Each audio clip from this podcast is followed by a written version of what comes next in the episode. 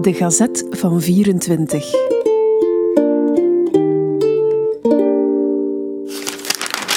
Dinsdag 22 januari 1924.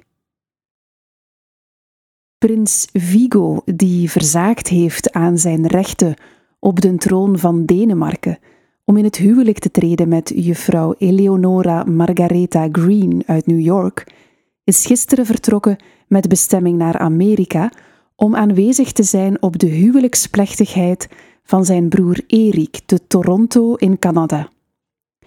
Prins Erik heeft besloten zich op de landbouw toe te leggen. Hij kocht daartoe uitgestrekte velden aan in de Albertstreek, waar hij als Canadees landbouwer leven zal. Zijn bruid is een Canadese.